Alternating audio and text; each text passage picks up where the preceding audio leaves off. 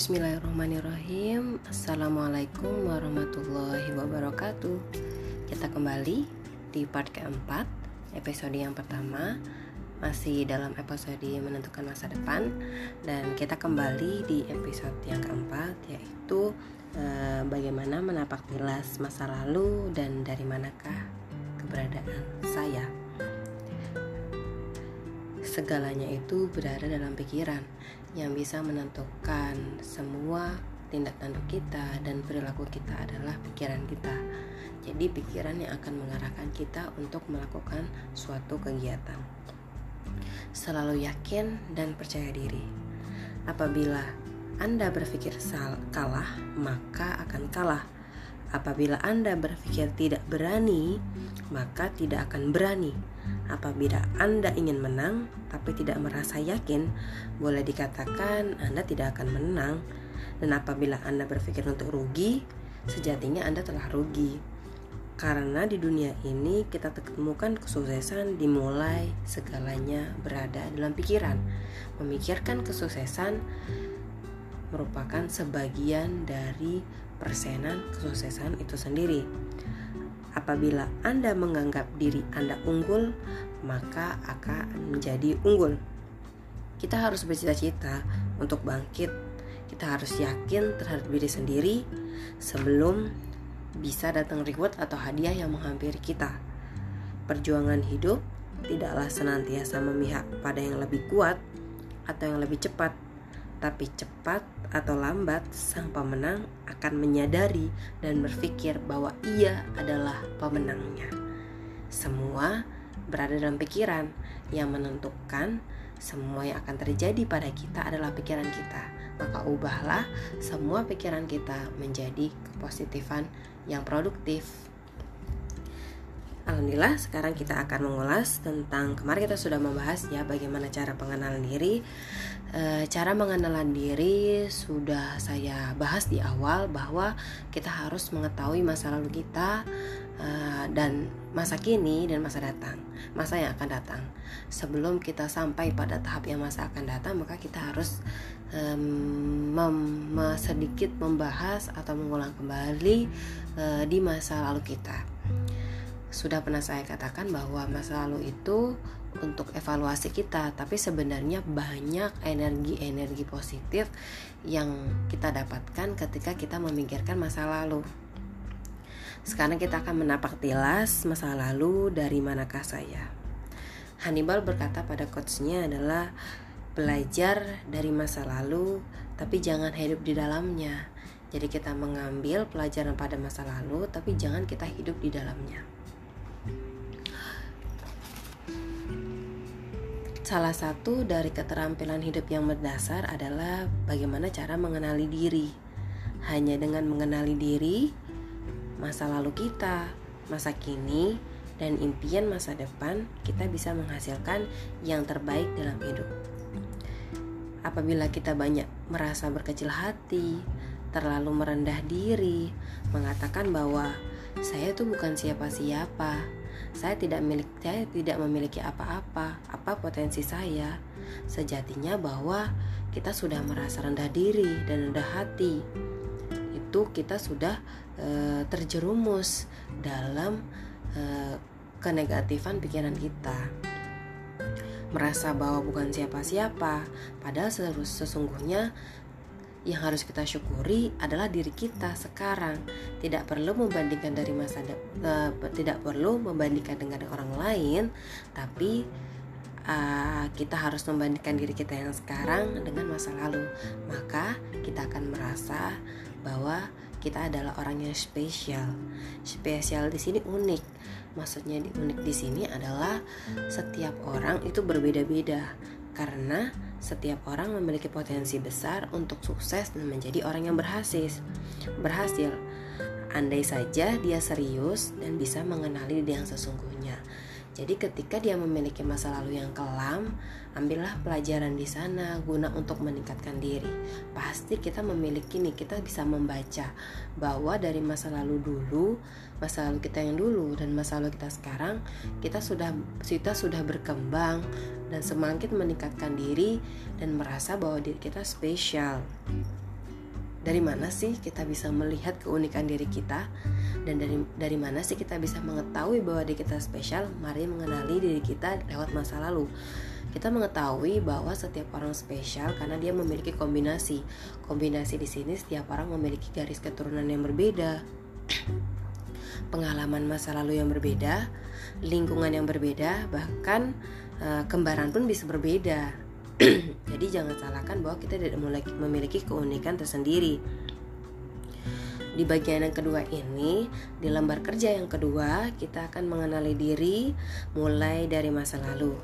Kita akan menggali dan mengenali diri apa adanya, tidak perlu untuk menyalahi apa yang sudah terjadi di masa lalu, tapi dengan adanya masa lalu kita akan mengenali bahwa diri kita tuh apa adanya, bisa membaca yang baik dan buruk dengan mempertahankan yang baik, meningkatkan yang sudah baik juga, kemudian menyempurnakan yang belum sempurna dan memperbaiki yang keliru. Itu tujuan ketika kita mempelajari masa lalu kita. Di lembar yang kedua ini kita harus terus terang ya. Kemudian kita harus jujur, tulus, membedah semua masa lalu Silakan ceritakan masa kecil kita, bagaimana pendidikan kita, buku yang berpengaruh untuk kita, hobi, prestasi, bahkan kegagalan. Jadi kita harus jujur nih ya. Eh, kita harus mengolap semua bukan hanya dari segi yang kita anggap positif saja tapi negatif-negatif juga harus. Karena bisa jadi kita bisa meningkatkan yang baik-baik menyempurnakan atau memperbaiki yang salah agar tidak terjadi di masa yang sekarang.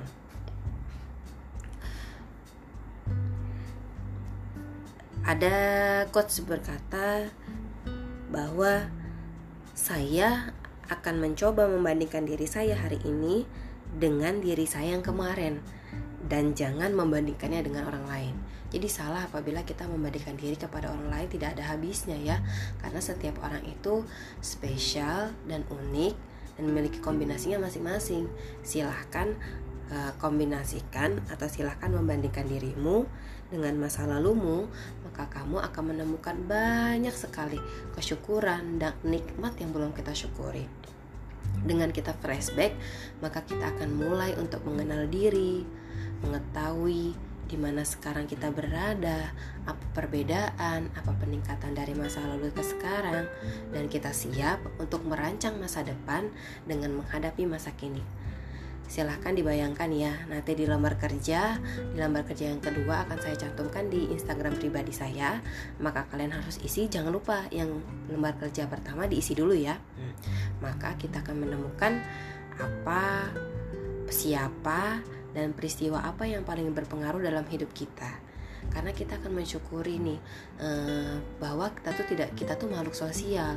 Kita tidak akan hidup kita tidak bisa hidup sendiri. Semua bergantung pada apa yang apa yang terjadi pada kita siapa yang memotivasi kita dan peristiwa apa yang sangat berpengaruh dalam hidup kita sampai kita bisa menginjakkan kaki di masa yang sekarang gitu.